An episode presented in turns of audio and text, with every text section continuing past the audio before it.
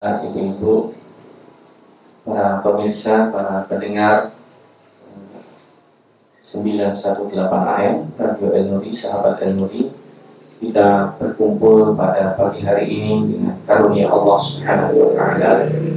Dibuka hari kita dengan harapan yang luar biasa kenikmatan yang Allah Subhanahu wa taala berikan tiada batasnya. Kita berharap mudah-mudahan kebaikan yang telah Allah ringankan kita lakukan pada pagi hari ini berkelanjutan dengan hadirnya kebaikan-kebaikan lainnya Allah amin. Sebagaimana biasa kita akan melanjutkan kajian tadabbur Al-Qur'an pada halakoh ke-65 kita akan melanjutkan serial tentang ahli kitab yang pada pertemuan terakhir kemarin setelah Allah SWT memberikan gambaran deskripsi karakteristik yang negatif pada saat pertemuan yang terakhir kemarin Allah memberikan di antara mereka ada orang-orang yang ternyata tidak seperti gambaran secara umum. Meskipun jumlahnya tidak banyak karena wa'aktsarum fasikun kebanyakan adalah orang-orang yang fasik maka pada pertemuan kemarin Allah SWT menegaskan laisu sawa tidak sama semua. Para ahli kitab itu tidak satu uh, bentuk tidak satu macam karena di antara mereka adalah orang-orang yang beriman yang kemarin digambarkan wa khairat mereka berlomba-lomba dan bersegera dalam melakukan kebaikan. Di nilai ta'ala kita lanjutkan pada pertemuan kali ini ayat 116 sampai 121. Di 116 ini poinnya adalah bahwa orang-orang yang kafir baik mereka adalah ahli kitab ataupun bukan itu nasibnya sama. Eh, baik mereka itu beriman kepada Al-Quran setengahnya atau mendustakan semuanya nasibnya sama. Hanya saja tentunya ini bertingkat-tingkat dengan kejahatannya. Tapi Allah SWT yang tekankan bukan nasib mereka nanti di hari di hari akhirat tetapi yang Allah tekankan di sini uh, fungsi dari yang Allah berikan kepada mereka baik merupakan kekayaan materi ataupun anak itu nanti tidak berguna. A'udzu billahi minasyaitonir rajim. Innal ladzina kafaru lan tughniya anhum amwaluhum wala auladuhum minallahi syai'a wa ulaika ashabun nari hum fiha khalidun. Allah Subhanahu wa taala di sini memberikan penegasan di ayat sebelumnya di awal surat Al Imran kita sudah membicarakan Innal ladzina kafaru lan tughni anhum amwaluhum wala auladuhum minallahi syai'a wa ulaika hum waqudun nar. Mereka menjadi tungku ya, menjadi bahan bakar tungku di neraka. Kalau di sini eh, yang menarik adalah menafikan yang mereka punya. Jadi innal ladzina kafaru lan tughniya anhum amwaluhum wala auladuhum minallahi syai'a bahwa anak mereka harta mereka itu tidak bisa berbuat apa-apa. Meskipun mereka sudah banyak kalau istilah kita dermawan dikenal sebagai orang dermawan. Tetapi sebenarnya kedermawanan mereka itu hanya topeng hanya tutup dari kondisi yang sesungguhnya yang nanti akan digambarkan oleh Allah maka di sini akan tetap difonis wa ulaika ashabun nar hum fiha khalidun. Mereka adalah ashab itu uh, difonisnya bukan sembarangan kalau disebut ashabun nar mereka adalah penduduk neraka. Mereka adalah jadi kalau disebut sebagai ahlun nar atau ashabun nar itu sudah berKTP. Jadi memang tinggalnya di situ. Kalau orang-orang yang ke neraka hanya sekedar mampir itu tidak disebut dengan ashabun nar. Mereka uh, mampir saja ke neraka, mereka jatuh. Makanya ada dalam istilahnya nanti disebut faman zuhziha anina. Mereka itu sudah nyaris masuk neraka. Jadi kalau nyaris itu namanya belum belum sempat masuk. Ataupun nanti kalau bagi orang yang masuk pun mereka uh, tidak berKTP neraka. Maka di sini ketika ashabun nar biasanya diimbui hum fiha khalidun atau khalidina fiha. Tetapi hum fiha khalidun dengan khalidina fiha itu lain. Misalnya khalidina fiha itu diperuntukkan untuk penduduk uh, surga. Karena misalnya ditambahin khalidina fiha abada. Itu uh, untuk harapan-harapan positif. Kalau di sini hum fiha khalidun, mereka di dalamnya kekal. Jadi tidak tidak perlu ditambah dengan abadan. Abadan itu semakin menyiksa. Nah, di sini secara kebahasaan ayat ini um, ingin menggambarkan kepada kita. Karena nanti ada di dalam surat Saba mereka mengatakan nahnu aktsaru minkum nahnu aktsaru amwalan wa aulada. Jadi kami ini kata mereka orang-orang kafir itu lebih banyak anaknya, lebih banyak hartanya. Pasti kita akan mengatakan lah iya, nggak ada masalah karena anak yang banyak, harta yang banyak itu lantu dunia. Jadi tidak tidak bisa menyelamatkan mereka uh, dari siksa Allah.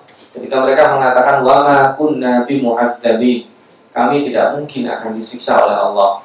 Karena mereka mengatakan nahnu Allah, kami adalah anak-anak Allah, pilihan Allah. Jadi umat yang dipilih oleh Allah. Nah ini dinafikan oleh Allah, tidak ada. Mereka bukan umat pilihan Allah. Betul mereka adalah pernah menjadi yang terbaik. Tetapi itu pada saat terbaiknya pada saat mereka ikut apa yang dikatakan oleh Nabi mereka. Nah, yang menarik adalah Allah berikan uh, permisalan yang ada di ayat 117. Masalu ma yunfikuna fi hadhihi al-hayati dunya kamathali rihin fiha sirrun asabat harfa qaumin zalamu anfusahum fa ahlakat wa ma zalamahumullah walakin anfusahum yadhlimun. Jadi ketika tadi dikatakan harta dan anak-anak, Allah sekarang ingin mengurai harta ya, hartanya ingin diurai. Harta yang mereka infakkan di dunia ini permisalannya adalah nah ini luar biasa Allah memberikan permisalan. Al-Fakir baca ulang ayatnya. Karena tadirihin fiha sirrun asabat harta qawmin dhalamu anfusahu kalau menurut pakar bahasa seharusnya susunan ayat normal kalau kita berpikir daya bahasa linear maka harusnya kama thali harta kama thali harfi qaumin dhalam anfusahum asabathu rihun fiha sir. Jadi kalau normal kalau normal pemisahan harta yang mereka infakkan itu bagaikan tanam-tanaman atau padang. Padang tanamannya sawah kebun itu disebut dengan harf harf itu sesuatu yang ditanam jadi kalau kita beli tanam-tanaman tapi dari plastik, nah itu bukan harf di situ. Itu hiasan. Jadi kalau harf itu adalah jenis tanaman yang yang betul-betul kita cocok tanam, yang menghasilkan. Nah, orang yang berinfak seperti mereka itu bagaikan orang yang bercocok tanam, menghasilkan, sudah nyaris mau dipetik, kemudian asobahu sirrun. Asobahu, asobahu rihun fi hasirun Kemudian ditimpa angin. Anginnya bukan sembarang angin, sirun. Kalau sirun itu adalah angin yang sangat-sangat dingin. Itu sama dengan yang menimpa kaum Ad. Sorsorin Atia di dalam surat Haqqah. Sorsorin Atia itu angin dingin yang merusak dalam nah, organ dalam. Yang merusak dalam itu mungkin orang kelihatannya sehat, tetapi organ dalamnya hancur, rusak. Itu angin yang yang sangat dingin. Jadi merusak bukan bentuk fisik luarnya saja, tetapi dalam. Jadi nanti yang dibicarakan Allah dalam Nah, jadi kita melihat, wah bagus sekali tanam-tanaman yang banyak. Ternyata ketika dipegang hancur. Jadi kan ada kayak itu misalnya luar biasa. Jadi di sini yang diserang adalah uh, kualitas tanamannya, bukan bentuk fisik tanamannya. Nanti Allah taala di ayat lain itu cara menghancurkan itu ada juga dengan api yang membakar. Di sini tidak dikatakan fa'araqat karena fa'araqat itu membakar. Meskipun ada yang mengatakan saking dinginnya itu justru membakar. Tetapi menurut jumhur mufassirin di sini eh, sirrun itu artinya adalah rihun. Jadi eh, angin yang sangat-sangat dingin. Ya, angin yang dinginnya berlebihan itu membuat kering. Jadi kalau dingin sudah pada satu klimaks, itu kelembaban yang eh, kelembaban yang normal akan menjadi sangat kering dan itu sangat merusak. Jadi yang dirusak di sini adalah dalma. fa'ahlakat maka dirusak. Coba kita bayangkan orang sudah berinfak katakanlah 1 M. Wow, nilainya luar biasa. Tetapi 1 M itu hanya manis dicatat e, lewat konferensi ya, konferensi pers. Kemudian dia dijuluki orang yang dermawan. Tapi sesungguhnya itu tidak dianggap oleh Allah. Kenapa? Karena tidak memenuhi standar utama. Standar utamanya adalah beriman. Standar utamanya adalah dia menuruti apa yang dikatakan oleh Rasulullah SAW. Itu tidak diikuti. Maka fa'ahlakat rusak itu. Jadi di sini kenapa didahulukan kok anginnya bukan harf? Kalau harf itu adalah tanamannya, infaknya, rehnya adalah yang merusaknya. Kenapa yang didulukan itu yang rusak? Karena itu intinya. Allah ingin menggambarkan bahwa yang merusak amal seseorang itu dirinya sendiri. Kalau kita beramal karena ria, maka ria itulah yang merusak amal kita. Kalau kita beramal karena kita tidak beriman, maka tidak beriman itu yang disebut dengan rifun fiha sirrun asobat halfa qaumin dzalamu anfusahum. Maka di sini ditekankan dalam anfusahum. Karena sesungguhnya mereka menanam, mereka sendiri yang merusak. Jadi di sini tidak ditekankan harfnya, tanamannya tidak ditekankan. Yang ditekankan Allah adalah angin yang sangat dingin. Angin yang sangat dingin itu siapa yang mendatangkan? Allah betul, tetapi yang melakukan itu sejatinya adalah mereka sendiri. Maka Allah akan pungkasi ayat ini dengan wa ma Allah sekali-kali tidak menzalimi mereka, walakin anfusahum yadlimun diulang lagi. Tadi sudah diulang asobat harta kaumin dhalamu anfusahu diulang lagi walakin anfusahum yadlimun jadi sesungguhnya seseorang itu berbuat maksiat dia mendolimi dirinya sendiri dia mendolimi orang lain pada hakikatnya dia menempatkan dirinya mendolimi dirinya sendiri karena nanti akan dibalas oleh Allah Subhanahu wa taala. Nah, berkaitan dengan yang dalaman ini Allah juga punya pesan berikutnya bagi kita orang yang beriman. Jangan kalian seperti itu tapi ingat ada yang lebih bahaya. Ya ayyuhalladzina amanu diperingatkan kita ya. La tattakhidhu bitanatan min dunikum la ya'lunakum khabar. Wahai orang beriman, jangan sekali-kali kalian mengambil bitanah. Bitanah itu teman setia. Yang diambil di sini kata-katanya bitanah. Masya Allah. Bitanah itu ba, tok, dan nun itu segala urusan yang dalam Makanya perut kita ini nyimpan daleman. Jadi kalau sebenarnya seseorang, mohon maaf perutnya agak gede, sebenarnya yang membuat malu bukan perutnya, tapi isi perutnya. Ya, kalau isinya nggak ada, perutnya nggak mungkin besar. Itu makanya disebut dengan batnun. Bahasa Indonesia-nya batin. Batin itu apa? Sesuatu yang ada di dalam. Maka bitona itu adalah sahabat yang tahu dalaman-dalaman kita. Nah, jangan sampai kita mengambil orang yang tahu dalaman kita, yang kita percaya min dunikum, orang yang tidak seakidah dengan kita atau orang yang seperti tadi disebut di atas. Makanya bitora nanti juga ada dalam bahasa kalau membahas secara latar bahasa, masya Allah banyak itu. Dari kata-kata batonun itu ada disebut dengan batoni. Batoni itu selimut. Selimut itu untuk apa? Untuk bersembunyi. Eh, bersembunyi dari apa? Dari rasa dingin. Tadi kan kita bahas ini. Maka di sini bukan sembarang teman. Kalau sekedar sembarang teman, kita berinteraksi secara ekonomi biasa, bertetangga, kemudian ketemu tersenyum, itu bukan ditolak. Itu sebenarnya tetangga. Uh, kalau istilah bahasa saya tidak tahu apa bedanya teman dengan sahabat dan sebagainya itu mungkin uh, kita bisa membahasnya lebih detail ya. Tapi di dalam bahasa Arab di sini, bitona itu adalah orang yang kita percayai, orang yang tahu kelemahan, orang yang tahu dalaman-dalaman kita. Kalau kita mengambil orang seperti ini adalah orang yang tidak seakidah dengan kita, maka layak lunakum khobala. Layak lunakum itu mereka tidak intinya mendatangkan fasad. Wadu ma'alitum dan mereka menginginkan kerusakan. Jadi di sini sama ya. Kalau disebut layalunakum khobala mereka tidak henti-hentinya menginginkan fasad. Al khobal itu sesuatu yang berjalan tidak seperti mana mestinya. Itu.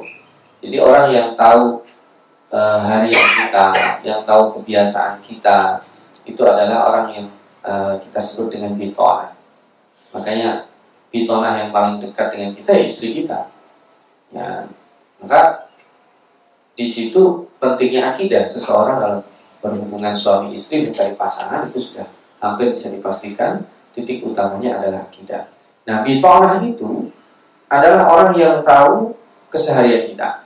Kalau itu tidak benar, maka layak lunakum khobala akan membuat hidup kita berantakan. Itu bahasanya, layak lunakum khobala. Jadi kalau hidup kita berantakan itu sebabnya karena bitonah. Eh, secara ini kita lihat faktor eksternalnya ya, faktor internalnya kita kita sendiri, tetapi kita membeli cerah bagi orang lain untuk mengetahui dalaman-dalaman kita. Nah itu khobal di situ disebut dengan sesuatu yang berjalan tidak sebagaimana mestinya yang mengakibatkan kerusakan. Nah, lalu waktu makan itu kalau sudah demikian mereka menginginkan setelah tadi terus menerus seperti itu makan itu kita akan terjebak kepada masyarakat kepada hidup yang berat tidak bisa berprestasi itu kenapa karena salah milih teman makanya ada uh, sebuah hadis ya Allah uh, fakir nanti perlu cek lagi ya. Uh, kalau seseorang ingin tahu kualitas agamanya, kalian dur ilaman yufallilu. Maka lihatlah dia itu temannya siapa. Teman A adalah B, maka A dan B itu kualitasnya berdekatan. Ya, teman di sini bukan sekedar teman, sering bergaul, sering bepergian, sering diajak berdiskusi, itu ditolak. Tahu dalaman-dalamannya, itu ditolak. Nah, kalau orang ini akrab dengan orang yang akhlaknya buruk, kita ada buruk, maka kualitas kita sedang mendowngrade diri kita. Nah, kalau kita berakhlak berteman dengan orang yang baik, lebih baik dari kita, kita sedang berusaha mengupgrade kualitasnya. Maka bitonah itu penting sekali. Nah, bitonah itu akan mengakibatkan la ya'lunakum khobala wa itu itu ketika kita salah mengambil bitonah. Karena falyanzur ila man yufallilu maka lihatlah seseorang ini teman dekatnya siapa itulah kualitas agamanya. Nah, Qadbadatil baghdha'u min afwahihim itu terlihat mereka bitonah yang tidak bisa dipercaya tapi kenapa kita percaya itu dari perkataan mereka. Dari perkataannya aja kita bisa tahu. Mohon maaf, sekarang kita lihat ada umat Islam yang kalau dia ngomong komentar itu banyak umat Islam yang tersakiti. Ada nggak orang Islam kayak gitu? Ada kan? Nah itu badatil baghdha'u min afwahihim karena pengaruh teman. Nah, kalau ada umat Islam yang komentarnya menyakiti, lihat aja temannya siapa. Temannya adalah orang-orang yang non muslim yang senantiasa menyakiti umat Islam. Itu bisa dipastikan. Nah, ini Allah memberikan tekanan yang lebih dalam lagi. Wa ma tukhfi suduruhum akbar dan ketahuilah apa yang disembunyikan oleh mereka itu lebih dahsyat dari yang terungkap lewat bibir mereka. Jadi sebenarnya yang kita ungkap kita sakit hati ya, karena ungkapan mereka itu sebenarnya ada yang membuat lebih sakit hati kalau seandainya kita tahu wa fisudul akbar itu yang ada di dalam dada mereka itu lebih besar kebencian yang luar biasa kepada agama kita. Maka di sini Allah SWT menutup qad lakumul ayat. Ini tanda-tanda kekuasaan Allah. Singkat Allah SWT memberikan uh, trik memberikan trik supaya kita memilih sahabat yang tepat. Nah, in kuntum taqilun supaya kita berakal. Karena jangan sembarangan taqilun di sini adalah beda tapi saya kan ada la'allakum tahtadun, la'allakum tuflihun. Jadi in kuntum taqilun di sini bukan la'allakum, in kuntum jika kalian berakal. Bukan berarti Allah menafikan akal kita. Artinya kalau kita sudah berakal, sudah beriman, jangan sekali-kali mengambil bitonah. Yang tahu dalaman-dalaman kita adalah orang-orang yang tidak suka dengan agama ini. Itu ya. Jadi kenapa? Karena tadi ke atas ya, tadi ke atas lagi kalaupun mereka mendermakan hartanya, hartanya itu hanya sekedar buat apa ya, uh, lip saja, buat bungkus untuk membungkus niat yang lebih jahat sebenarnya. Ini saya bantu Anda dengan sekian. Tapi ini orang yang membenci Islam. Dia menyimpan sesuatu yang kita tidak tahu. Nah, ini ini pembahasan yang lebih berat dari yang kemarin. Kalau kemarin kan kita membahas ciri-ciri yang berkhianat, dikasih amanah, tidak ditunaikan. Ini lebih berat. Kenapa? Karena mereka menyembunyikan permusuhan. Tetapi orang yang menyembunyikan permusuhan pun tidak bisa ditutup-tutupi. Itu kita tahunya faktor del min afalihim. Nah di sini Allah memberikan tekanan lagi. Ha antum itulah kalian Ulai yuhibbunahum wa la yuhibbunakum. Itulah kalian. Heran. Ini ini kalau dalam bahasa sederhananya adalah uh, kalau Allah kan tidak boleh. Allah heran, itu nggak boleh kita ngomong kayak gitu. Ini kalau kita mengherankan sebenarnya kita. Orang yang sudah jelas-jelas memusuhi kayak gitu masih bisa kita cintai, masih bisa kita sukai. Maka di sini ha antum ulai tuhibbunahum. Kok bisa orang kayak gitu kita jadikan teman dekat. Kok bisa orang kayak gitu kita percaya? Walau ini punah dan mereka sekali-kali sama sekali tidak pernah mencintai kita. Itu hanya karena untuk kepentingan saja mereka dekat dengan kita. Ya sama aja kayak gini. Mohon maaf. Ada orang yang tidak pernah nelfon kita. Tapi setiap nelfon kita itu dia ingin minta bantuan apa aja jenis bantuannya ya. Baik materi atau tidak materi. Itu makanya ketika ada telepon berdering, ya secara otomatis otak kita akan mengatakan ya orang pasti mau minta bantuan apalagi gitu. Nah orang yang sudah jelas-jelas kayak gini kita bisa menafsirkan yang lain itu sulit. Permisalan mungkin e, tidak tepat ya tetapi orang yang kelihatannya itu memusuhi Islam tapi kita masih menaklirkan sebaliknya. Itu berarti kita khusnud bukan disebut dengan khusnud kita ingkuntum takdilunya itu tidak jalan ini ada orang setiap ungkapannya menyakiti umat Islam. Ada satu kasus A, wah sakit sekali umat Islam dengan ungkapannya. Udah kita maafkan. Kasus B, demikian juga. Kasus C, lebih dari berkasus-kasus, tidak ada satu ungkapannya pun yang membuat umat Islam itu menjadi tenang. Maka orang yang kayak gini tidak perlu kita lanjutkan uh, diambil sebagai ditolak teman yang sangat dekat. Kalau kita berteman, saya hello saja, udah tidak usah kita basa-basi ketawa dengannya kita uh, bertukar cerita terlalu dalam kita menceritakan masalah kita kepada ini tidak perlu. Kenapa? Ini mereka la yuhibbunakum. Nah. kemudian yang kedua waktu itu nabi kita bikulli sementara kita beriman dengan Al-Quran ini sepenuhnya mereka tidak melakukan Wa idalaku kungkaru alana Ketika berjumpa dengan kita Mukanya manis mereka. Berkata kami beriman kepada kamu iya saya percaya dengan yang Anda katakan. Tetapi wa idza khalau addu alaikumul amil. Ketika kita pergi ini permisalan ya, saya ajak Anda memvisualisasikan. Ketika kita pergi dari mereka, mereka akan gigit ujung jarinya. Kalau anamil itu ujung jari, dan gigit ya. Kalau di kan gigit ujung jari itu uh, untuk menggambarkan apa?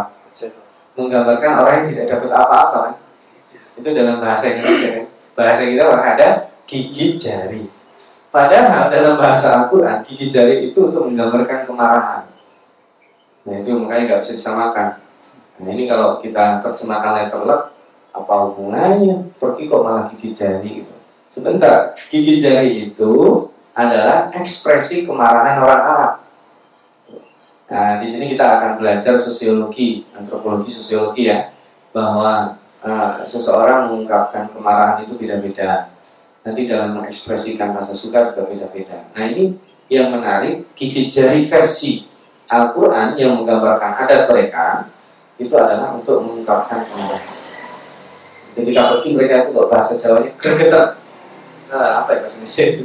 Gregetan. Mereka itu enggak apa? Uh, gitu. Kalau kita kan kalau marah itu cuma mengapitkan gigi ya. Nah itu bahasa kita giginya dirapti. Tetapi mereka enggak. Adu alaikumul anamil. Anamil itu adalah ujung jari gigit jari mereka. Ya bukan digigit beneran, tapi itu ekspresi kemarahan. Nah, mereka ada ada gitu ah, senyum lagi mereka. Nah itu dia bisa berakting seperti itu. Nah maka dikatakan minal ghaib. Nah ini perlu dijelaskan. Nah ini juga bisa jadi rahasia kemujizatan Allah karena nanti ada satu kaum yang gigit jari itu bukan karena kemarahan yaitu di bangsa kita Maka di sini termasuk mukjizat antropologis juga. Uh, saya tidak mengatakan mukjizat antropologis. Uh, ada satu penafsiran yang kekayaan antropologi Al-Quran. Artinya apa? Al-Quran itu nantinya akan menggambarkan bahwa Adu alaikumul anamil itu nanti ada segolongan kaum yang menggigit jarinya itu tidak untuk mengekspresikan kemarahan.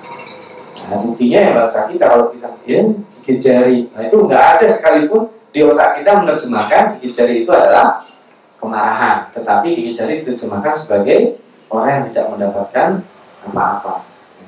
Ya enggak tidak menggigit apa-apa, tidak menggigit kue, tidak menggigit apa, tapi yang menggigit jarinya sendiri. Tapi sebenarnya kalau ditafsirkan lebih jauh lagi, dia dongkol marah dan akhirnya marah juga. Gitu.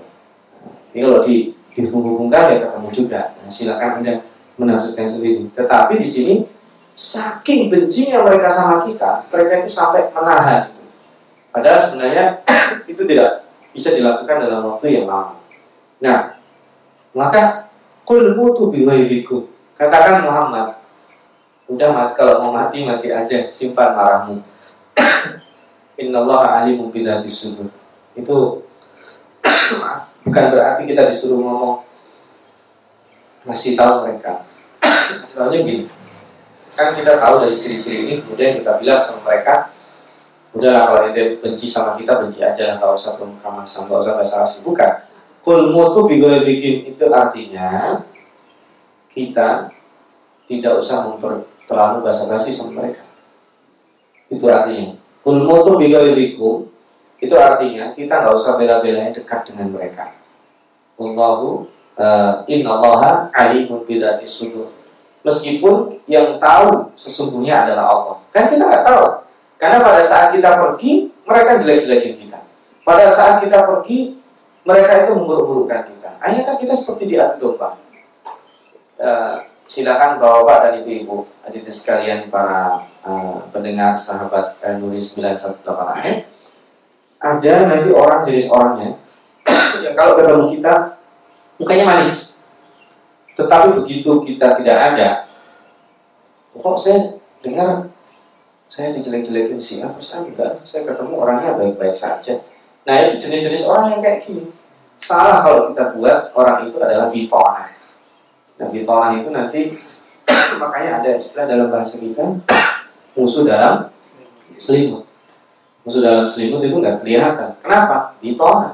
Dan bitona itu yang membuat kehancuran uh, seseorang atau kehancuran suatu kaum.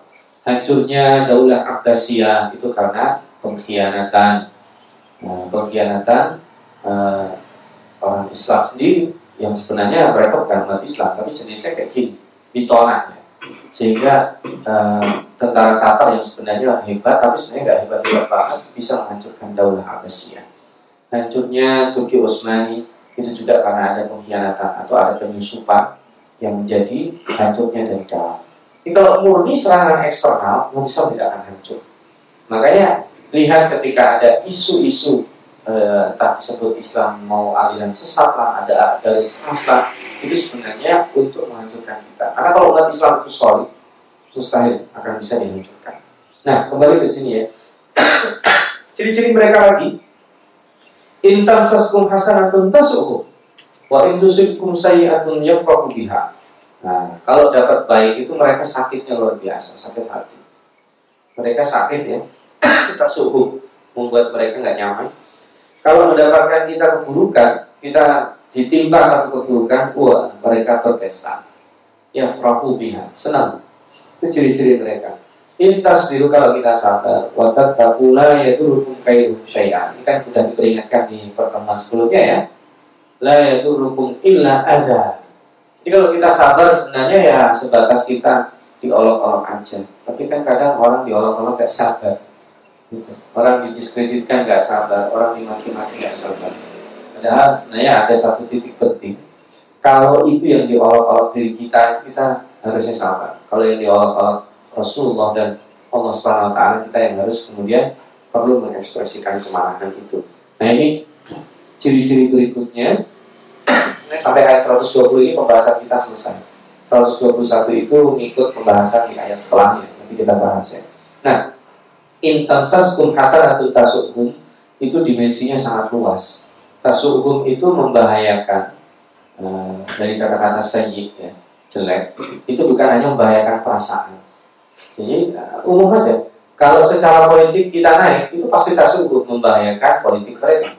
Kalau secara ekonomi itu kita baik, membahayakan ekonomi mereka.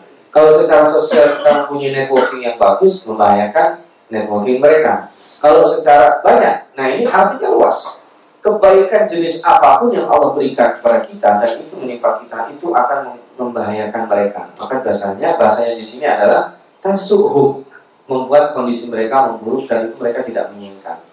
Makanya Nabi Muhammad SAW hadir itu tasuhu secara ideologi membahayakan, secara bisnis karena ada mafia-mafia berhala, ada kepentingan-kepentingan ekonomi membahayakan, secara politik akan menggeser pengaruh mereka yang tadinya menjadi pemimpin.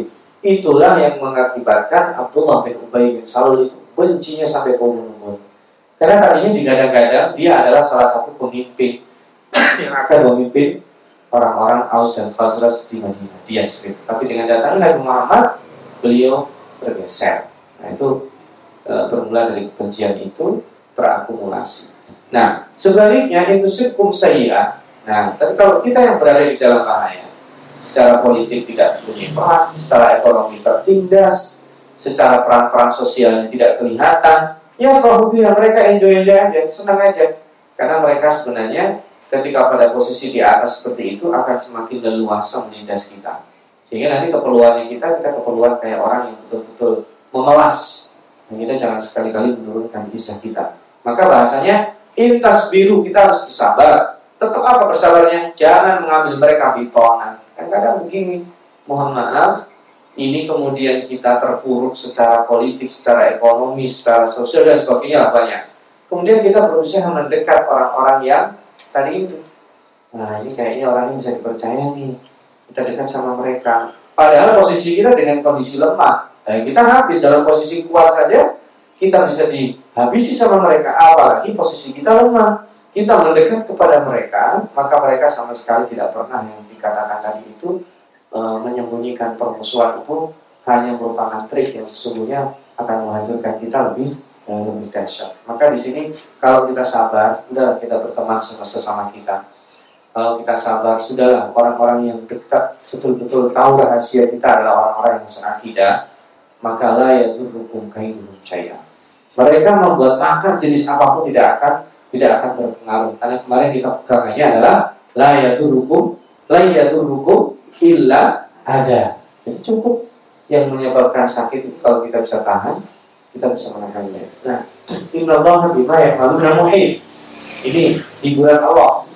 Sungguhnya Allah SWT terhadap apa yang mereka lakukan muhitun. Ini jangan-jangan dipakai. Muhit itu tahu dalamannya, tahu luarnya, tahu apa yang akan dilakukan. Itu muhit. Jadi Nah, kadang-kadang Allah memberikan kata-kata khobir.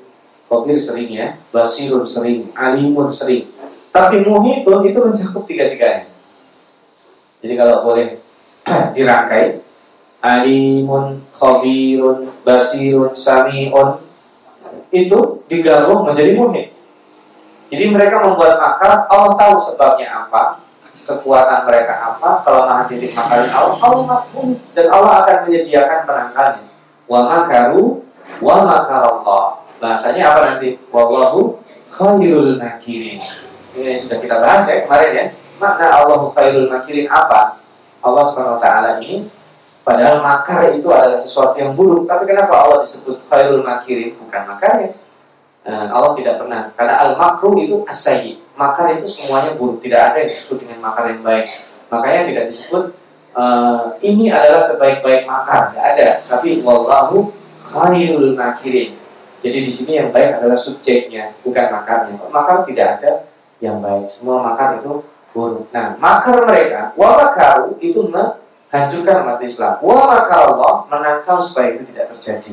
Jadi beda, tidak sama dengan uh, makar mereka. Nah, ini langsung dibuktikan pada skenario Allah di beberapa Badar. Nah, ini kalau pakai singgung sedikit pada peperangan Badar itu nanti Allah menyebutkan di sini wa il ghadauta ketika pada pagi hari min ahlika tubawiul mu'minina maqa'ida lil qital pagi hari berbondong-bondong untuk menyiapkan uh, berperang dengan umat uh, orang-orang kafir Quraisy itu wallahu samiun alim ya. Allah Maha mendengar dan Allah Maha mengetahui. Nanti kan begini.